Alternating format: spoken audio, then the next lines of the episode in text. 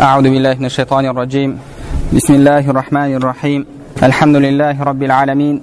والصلاة والسلام على نبينا وإمامنا وقدوتنا وقرة عيوننا محمد وعلى آله وأصحابه أجمعين. اللهم لا سهل إلا ما جعلته سهلا وأنت تجعل الحزن إذا شئت سهلا.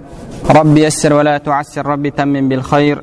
رب اشرح لي صدري ويسر لي أمري واحلل عقدة من لساني يفقه قولي. اللهم علمنا ما ينفعنا وانفعنا بما علمتنا وزدنا علما وعملا وتقا واخلاصا يا رب العالمين اما بعد السلام عليكم ورحمه الله وبركاته иншалла алла субханала тағаланың қалауымен жақында басталған дәрістерімізді жалғастырамыз бұл дәріс тәзкият нәпс яғни нәпсіні тазалау бүгін иншалла біздің дініміз ислам құрылған бес негіз болса соның бірі болған зекет мәселесі. Жалпы садақа жайында оның ішкі әдептер жайында иншалла әңгімелейтін боламыз. Алла субханала тағала бізге намазды парыз етті. Намазда сәжде бар руку бар алла субханала тағаланың ұлықтығын мойындау бар сәждеде басты жерге қою арқылы алла субханала тағаланы ұлықтау бар. Және адам намазға қараған кезде оның іс әрекеттерінен маңыздылығын түсінеді. Не үшін зекет садақа діннің негізінен етілді? Исламның бес парызының бірі болды. Бұл жерде бір денемен жасалынып жатқан ешқандай құлшылық жоқ. Тек қана мал сарып ету. Неге сонда да ол дініміздің негізі етілді? Ғұламаларымыз аллаху алям бұл үш себеппен дейді.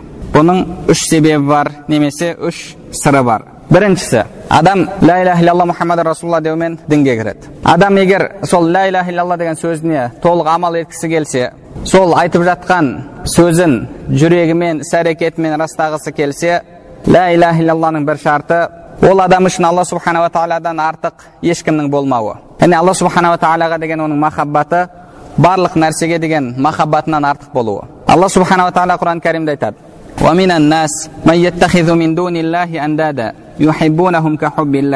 кейбір адамдар алла субханала тағаладан басқа өздеріне әндәт деді яғни алла субханала тағалаға бір нәрселерді теңестіріп алады және олар алла субханала тағалаға теңестіріп алған нәрселерін алланы жақсы көргендей жақсы көреді деді алла субханала тағала муминдердің сипатын айтады ал иман келтіргендер болса алла субханала тағаланы барлық нәрседен артық жақсы көреді деді яғни алла субханала тағала бұл жерде мұсылмандар ағайын туысқанын жақсы көрмейді олар дүниені жақсы көрмейді олар тағы да басқа нәрселерді жақсы көрмейді деп жатқан жоқ. Иман келтіргендердің аллаға деген махаббаты барлық нәрседен күшті деді сол үшін де пайғамбарымыз саллаллаху алейхи уассалам өзінің хадисінде сендердің бірің толық иман келтіре алмайсыңдар мені өзінен өзінің бала шағасынан өзінің жанынан артық жақсы көрмейінше деді. Яғни адам ля иляха иллалла мұхаммад расулалла деп айтты ма онда сол сөзі рас болуы үшін алла субханала тағаланы және оның пайғамбарын барлық нәрседен артық қою керек. Барлық нәрседен артық жақсы көру керек. Себебі махаббат серік қосуды қабылдамайды. Махаббат серік қосуды қабылдамайды. Біз алла субханала тағалаға деген махаббатымызда серік қосуымызға болмайды. Яғни аллаға деген махаббат барлық нәрседен жоғары тұруы керек. Оны тілмен айтып қоятын болсақ жеңіл. Адамдардың барлығы тілмен айта береді әр нәрсені. Бірақ мәселе соны іс әрекетте дәлелдеу. Алла субханала тағала адамдарға дүниені жақсы көрдіріп қойды. Адамның табиғаты. Алла субханала тағала құран кәрімде айтады ол адам баласы мал мүлікті жақсы көреді деді жақсы көруде қатты деді яғни алла субханала тағала адамның табиғатында дүниені жақсы көретін етті. Бұл жерде құранда айтылғаны хайри деді хайр жақсылық деп тұр. Осы мәселеге қысқаша тоқтап кетсек. Біздің дінімізде мал мүлік бай болу жаман кедейлік абзал деп айтпайды. Құранда алла субханала тағала мал мүлікті хайр деп тұр жақсылық деп тұр. Және тағы бір аятта алла субханала тағала айтады. Кутиба алейкум егер сендердің біріңе өлім келетін болса егер артында мал мүлік қалдырған болса өсиет етіп қалдыру парыз етілді деді. Бұл аят мирас аяты түсуден алдын түскен еді. Яғни адам баласы артында дүние қалдырып жатқан болса өсиет етуі міндетті болды. Пайғамбарымыз саллаллаху алейхи вассалам өзінің хадисінде адам баласы түнге жатарда өсиеті дайын болсын деді не үшін яғни басқа нәрседен мысал келтірейік бұл өсиет жайында пайғамбарымыз саллаллаху алейхи вассалам өзінің хадисінде айтады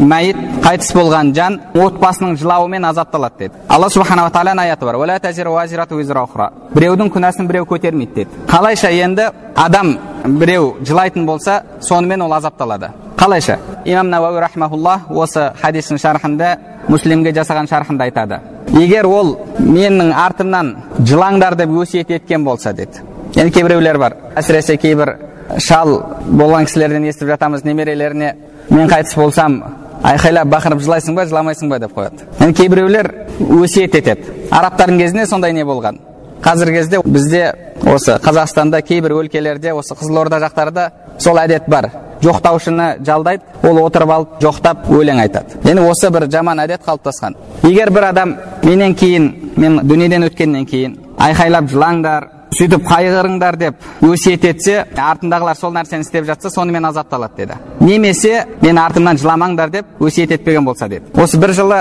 үлкен ғұламалардың бірі қайтыс болды. Сонда ол кісінің өсиеті оқылды жазған. Өсиетінде жазылғаны егер біреу айқайлап жылайтын болса менің артымнан мына нәрсені істейтін болса мына нәрсені істейтін болса менің оған қатысым жоқ мен оған разы емеспін деп жазылған өсиеті. Негізінде әрбір мұсылманда сол өсиет болу керек. Яғни менен кейін мына нәрсені істемеңдер мына шариғатқа қайшы тірлікті істемеңдер менен кейін айқайлап жыламаңдар үйтпеңдер бүйтпеңдер деп. Пайғамбарымыз саллаллаху алейhi әрбір адамның өсиеті жанында болсын деді. Бұл жалпы өсиет. Адам сол нәрсені істемеген болса дейді имам науауи өсиет етпеген болса дейді немесе жылаңдар деп өсиет еткен болса онда ол азапталады деді. Яғни қайтыс болған адам азапталады. Ал егер өсиет еткен болса жыламаңдар деп айтып кеткен болса олар амал етпей жылап жатса онда ол адам азапталмайды неге себебі біреудің күнәсін біреу көтермейді бұл жалпы өсиет енді мал мүлікке қатысты жеке тағы өсиет міндет болған мирас аяты түспей жатып яғни пәленшеге менің қалып жатқан малымнан үлесі мынанша түгеншінің үлесі мынанша деп өсиет жазу керек еді бұл мирас аяты түсуден алдын бірақ мирас аяты түскеннен кейін алла субханала тағала өзі құранда пайғамбар саллаллаху алейhi хадисінде кім қанша алады әркімнің үлесін белгілеп қойды айтпақшы болып жатқанымыз алла субханала тағала бұл жерде деді сендердің бірің бір хайыр қалдырып кеткен болса деді мал мүлікті хайыр деп тұр жақсылық деп тұр жақсылық қалдырып кеткен болса деді әдиетта да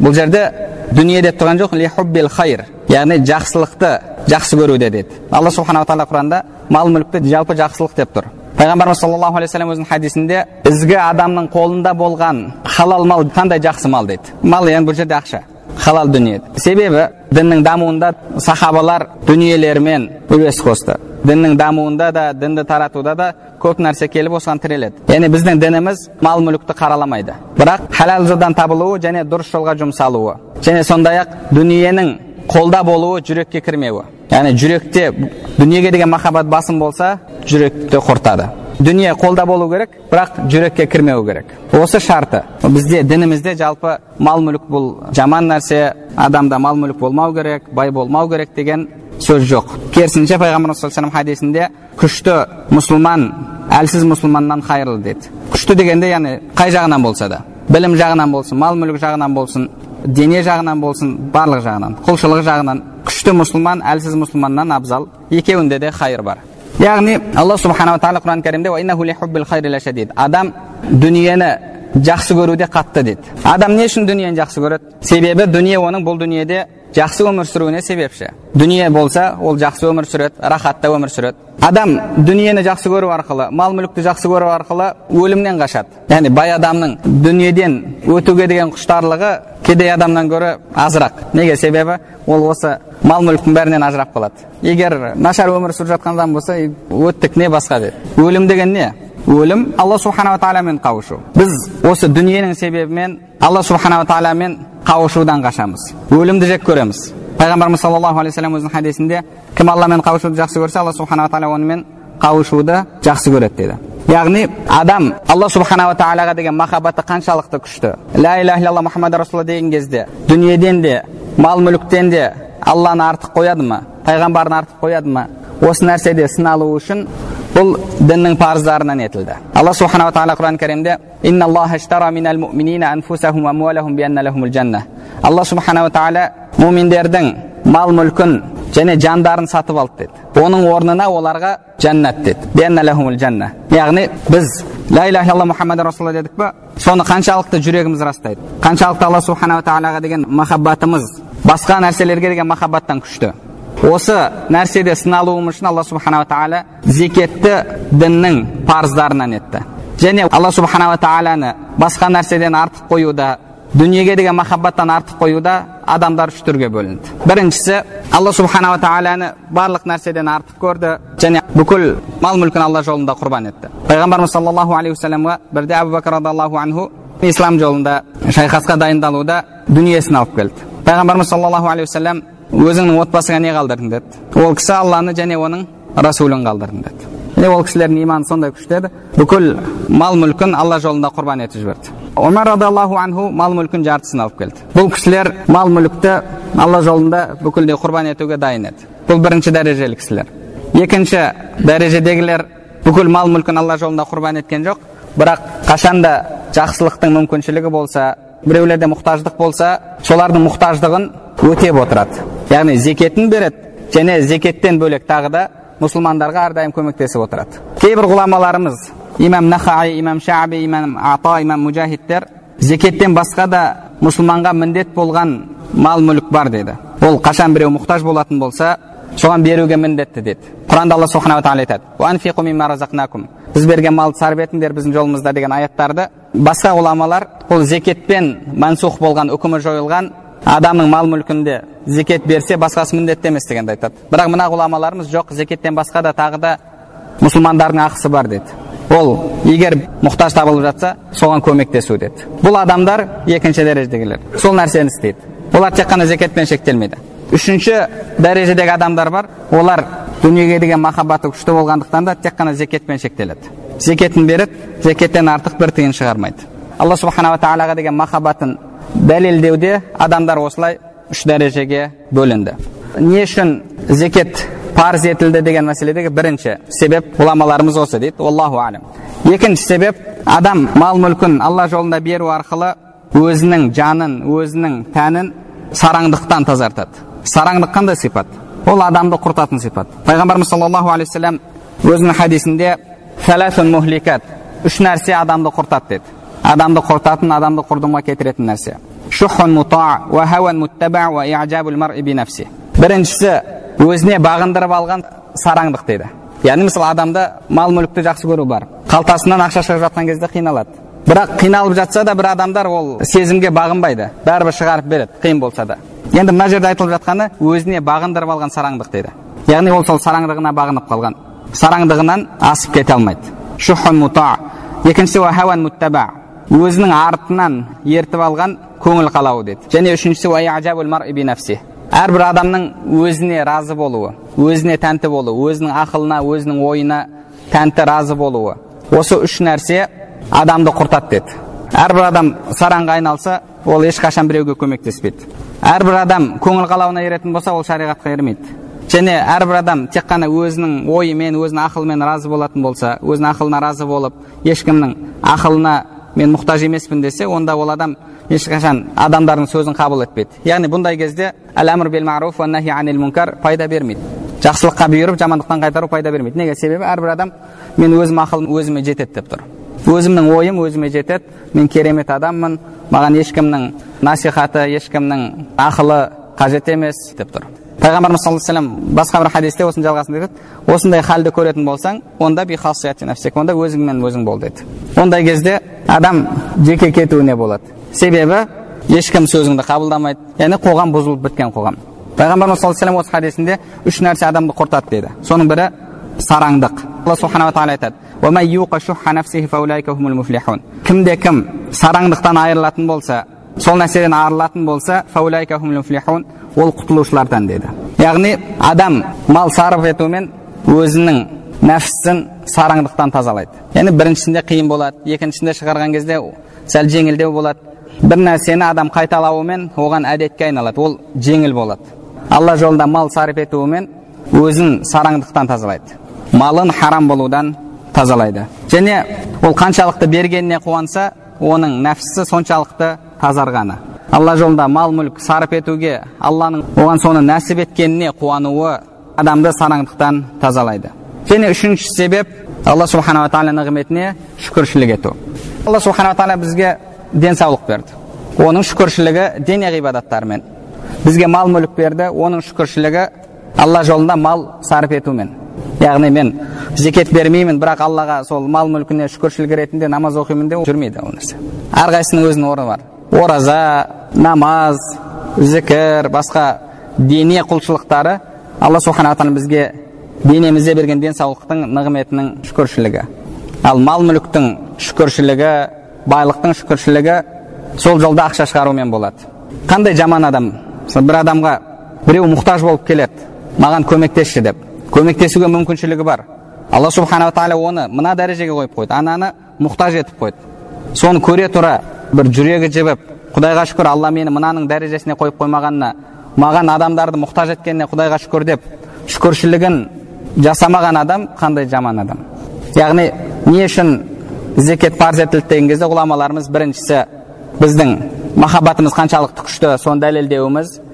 Екіншісі осы шүкіршілік және үшіншісі немесе керісінше адамды сараңдықтан тазарту. Бұл бірінші міндет.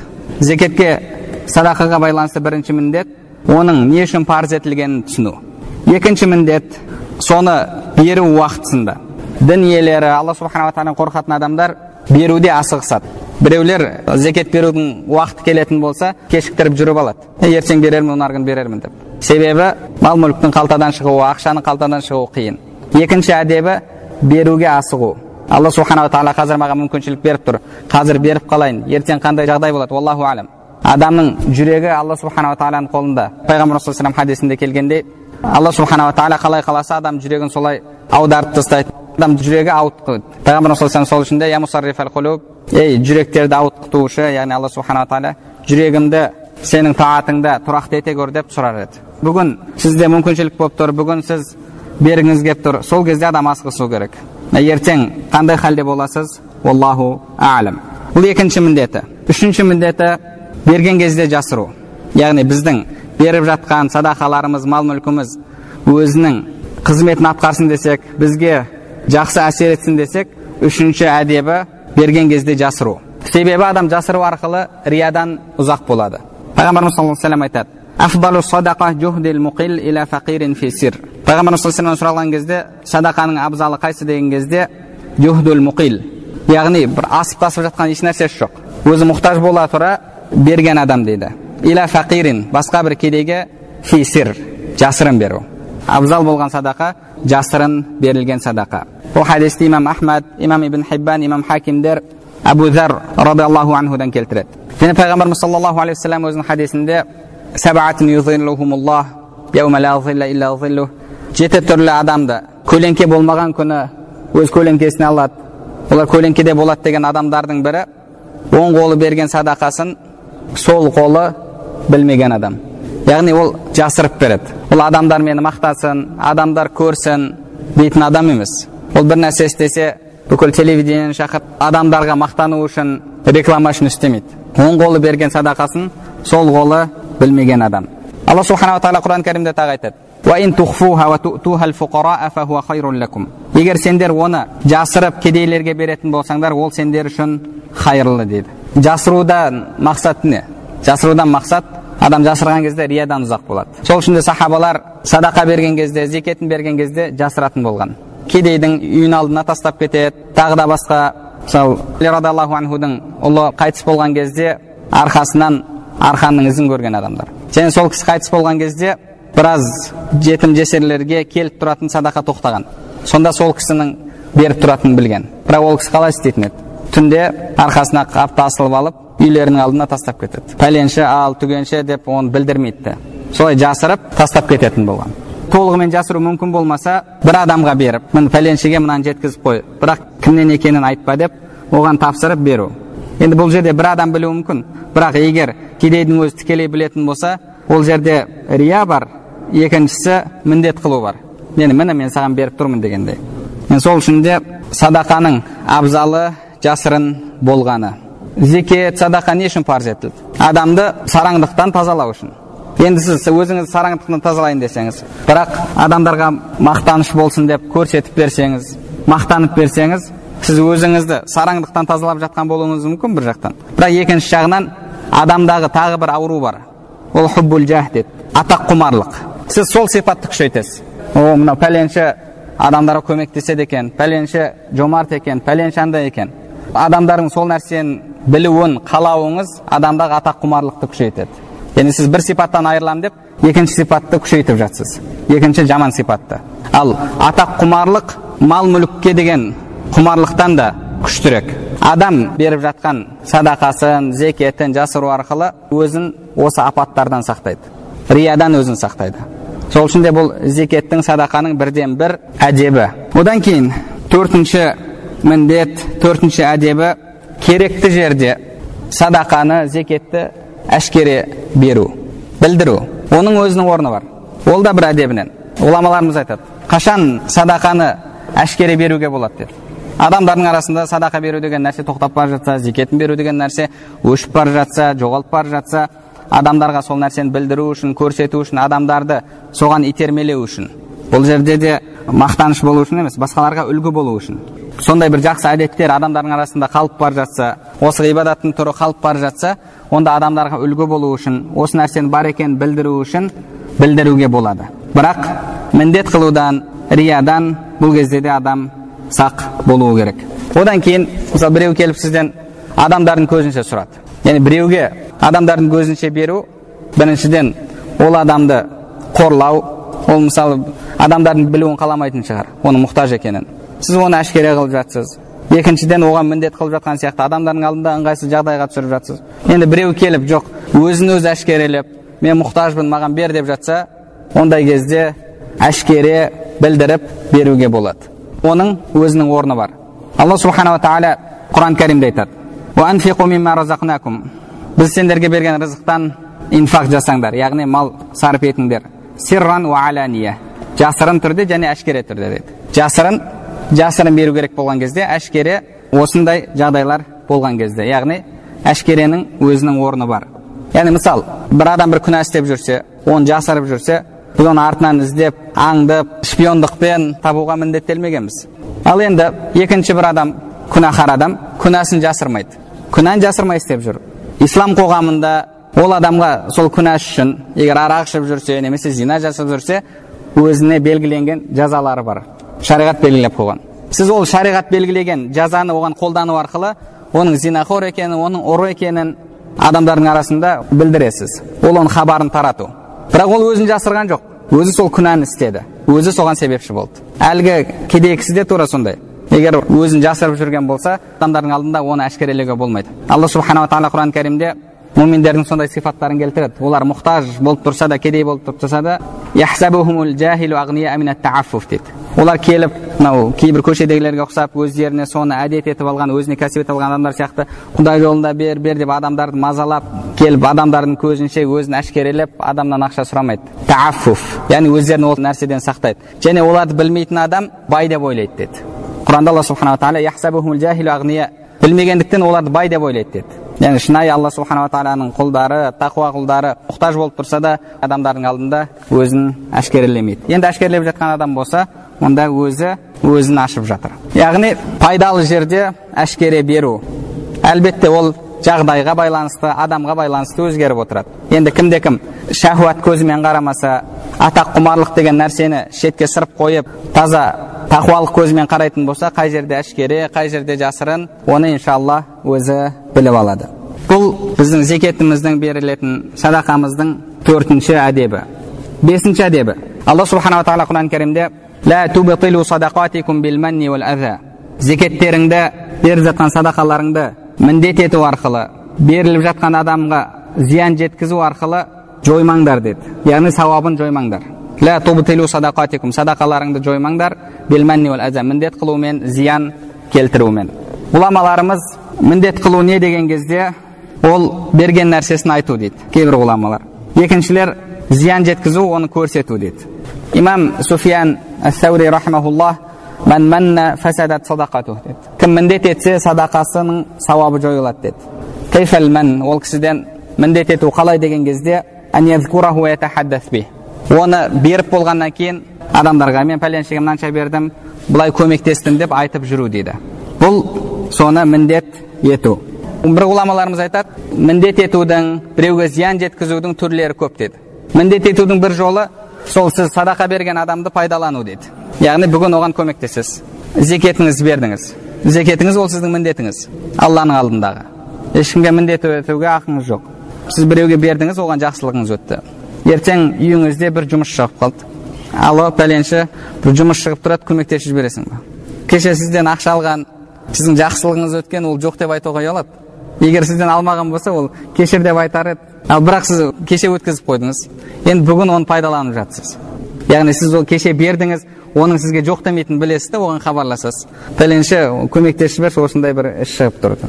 Алла субханала тағала құран кәрімде садақаларыңды міндет етумен сауабын жоймаңдар деді. Яғни оны пайдалану оған зиян жеткізу тіл тигізу оның намысына тию деді. Яғни кейде адамдар беріп жатса қоймадың ғой мәш бәле болдың ғой басқа деген сияқты сөздермен береді. Адамның мұқтаждығын көріп тұрса да. Бұл оған зиян жеткізу. Алла субханала тағала зиян жеткізумен міндет етумен садақаларыңның сауабын жоймаңдар деді. Міндет ету адамның іс әрекетінде көрінетін нәрсе. Бірақ оның себебі бар. Беріп жатқан адам өзін абзал көрмесе екінші адамды оған мұқтаж болып тұрған адам ретінде көрмесе ол нәрсені істемес еді. Өзін абзал көріп тұр. Мен беріп жатырмын алып жатқан адам маған мұқтаж ол менен төмен деген ойда. Ал негізінде мұқтаж адам алып жатқан адам бұған алла субханала тағаланың міндетін орындауда көмектесіп жатыр. Соның мал мүлкінің тазаруына себепші болып жатыр. Пайғамбарымыз саллаллаху алейхи вассалам өзінің хадисінде берілген садақа. Кедейдің алақанына түспей тұрып бірінші алланың алақанына түседі деді. Яғни адам беріп жатқан кезде мен алла субханала тағала жолында беріп жатырмын аллаға беріп жатырмын аллаға берілгеннен кейін алладан әлгі адам өзінің ризқын алып жатыр деп қарау керек. Яғни ол алла субханала тағаланың рызқы алла субханала тағаланың берген мал мүлкі. Бұл соны алла субханала тағаланың өзіне қайтарып жатыр. Ал мынау соған себепші тек қана. Өзін ешқандай бір абзал көретін одан артық көретіндей бұл жерде ешқандай бір орын жоқ. Адам қашан өзін абзал көретін болса сол нәрсені істейді. Енді адам өзінің міндет етіп жатқанын міндет етіп жатпағанын қалай біледі? Көп адам берген кезде міндет етеді. Қалай біледі өзінің міндет етіп бергенін міндет етпей бергенін ғұламаларымыз айтады. Мысалы дейді. Екі адам сол берушіге жамандық істесе біреуіне ол көмектескен әлгіндей зекетін берген садақа берген екіншісіне көмектеспеген. Бірақ екеуі соған келіп жамандық істеді. Қайсысына қаттырақ ренжиді? Берген адамға қаттырақ ренжиді. Е мен мынаған жақсылық істеп едім бірақ сонда да жақсылығыма жамандықпен қайтарды деді. Сөйтіп оған қаттырақ ренжиді. Ғұламаларымыз айтады егер оның жүрегінде сол өзі жақсылық істеген адамға деген реніш қаттырақ болатын болса көбірек болатын болса онда ол міндет етіп жатыр деді. Яғни өзін берген міндет етіп жатыр сол үшін ол қаттырақ ренжіп жатыр. А егер міндет етпесе ол берген нәрсесі ұмытылып кеткен болса ол екеуіне бірдей ренжиді. Осының өзі бір көрсеткіш. Адам қаншалықты міндет етіп жатыр. Алла жолында істелінген іс ғұламаларымыз айтқандай ұмыт болу керек. Істелінбегендей. Яғни біреуге жақсылық жасадыңыз ба оны жақсылық жасамағандай. Ол адам сізге жамандық жасады басқа адам жамандық жасады сізге бірдей болуы керек. Ал егер бірдей болмаса онда сіз бәрібір оған міндет етіп жатқан боласыз. Айша анамыз умму сәләма радиаллаху анхалар ешқашан садақаларын міндет етпейтін еді. Садақа зекеттерін берген кезде одан бір нәрсе күтпейтін еді. Омар радиаллаху анху да абдулла ибн омарлар да осы нәрсені істейтін. Яғни бір адамға мысалы садақасын беріп жібереді. Пәленшеге апарып бер барған кезде мынаны алла жолында бір адам саған беріп жіберді деп береді атын айтпайды алған адам алла оған разы болсын алла мал мүлкіне береке берсін мал мүлкін арттырсын деп дұға жасайды. Айша анамыз уму сәлямалар қандай дұға жасайды соны жаттап ал деп бұйыратын болған. Беріп келеді әлгі ортадағы адам алды ма? Иә алды не деді? Алла разы болсын деді. Алла мал мүлкіне береке берсін деді. Мынандай дұға жасады деп айтады. Ол кісілер оған тағы да солай дұға жасайтын болған. Алла оған да разы болсын алла оны да мал мүлкіне береке берсін оны да бай етсін басқа қылсын деп дұға жасайтын болған. Не үшін? Олардың берген садақасына бұл дұғасымен бір қайтарым бергендей болып қалмасын деді дұғасына дұғамен қайтарады да. Дұға да күтпейді одан. Дұға жасаса оған бір нәрсе қайтарған сияқты. Оның дұғасының мынау жауабы дейді. Ал садақа зекет ол алла ризашылығы үшін. Ол үшін рахмет те дұға да күтпеген. Алтыншы міндет. Зекет садақаның алтыншы әдебі.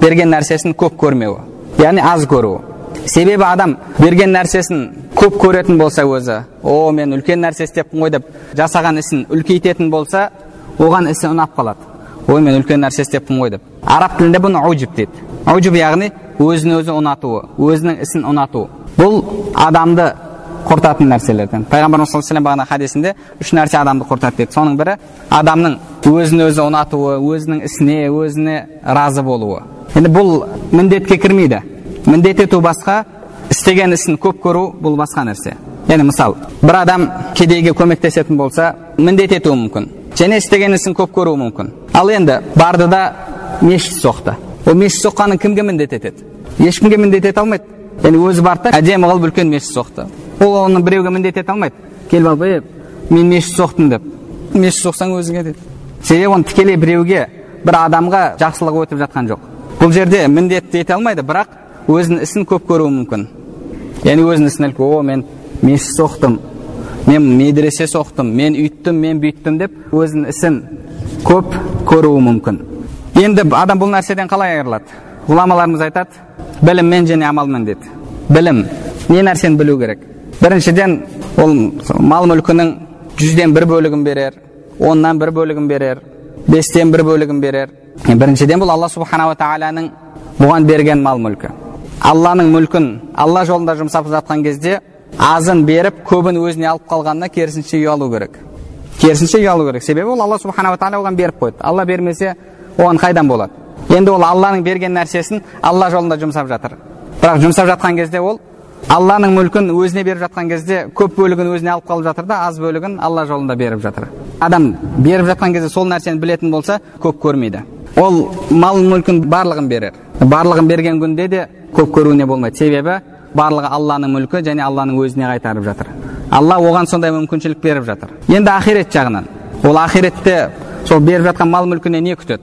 Жәннат күтеді. Алла сауабын берсе соның себебімен жәннатқа кірсем дейді ал жәннатты қанша ақшамен бағалауға болады яғни мысал сізге біреу жүз мың доллар тұратын машинаны мың долларға сатты сіз берген мың долларыңызды көп көресіз ба көп, көп беріп қойдым көп ақша кетіп қалды дейсіз ба керісінше қуанасыз ғой жүз мың мың нәрсесін маған мың долларға сатты деп яғни адам алла субханала тағала жолында жұмсап жатқан кезде мейлі жүз мың доллар жұмсасын мейлі миллион доллар жұмсасын оның есесіне алла субханала тағала құран кәрімде есесіне оларға жәннат бар деді ал ол аз ақшамен көп нәрсені алып жатыр онда қалай беріп жатқан ақшасын көп көреді ешқандай орынсыз нәрсе себебі алла субханала тағала құранда алла олардың мал мүлкін жанын сатып алды есесіне оларға жәннат бар деді жүз мың доллардың затын мың долларға сатып алып қап қымбатқа сатып алдым тағы да саудаласуым керек еді жүз долларға түсіруім керек еді деп ойлаған адам ақымақ адам сол сияқты ол азғантай ақша беріп соның орнына жәннат үміт етіп жатса бірақ сол беріп жатқанын көп көрген адам да ақымақ адам. Яғни адам осы нәрселерді білетін болса өзінің берген нәрсесін көп көрмейді.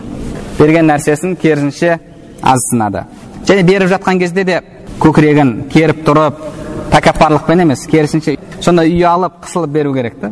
Мысалы біреу сізге бір нәрсені аманатқа беріп кетсе сіз аманатымды қайтар деген кезде оның біраз бөлігін ұстап қалып басқасын қайтарған адам. Бұл адам қандай адам?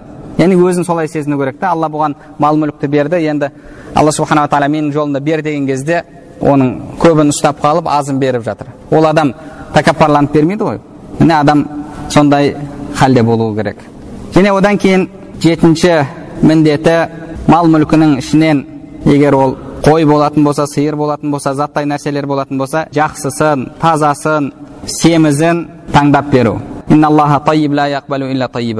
Алла субханала тағала көркем және тек қана көркем жақсы нәрселерді қабыл етеді пайғамбарымыз саллаллаху алейхи уассалам имам ибн ади имам баззарлар келтірген хадисте айтады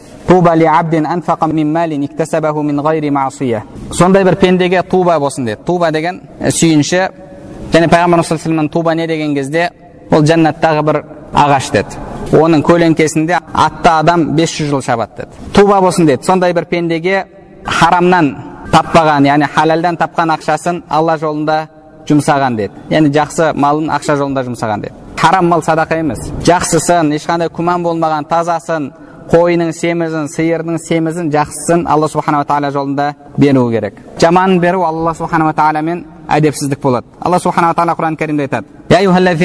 Ей иман келтіргендер әнфиқу мин кәсіп еткен нәрселеріңнің жақсысынан алла жолында жұмсаңдар деді. Және жерден біз сендерге шығарып берген нәрселерден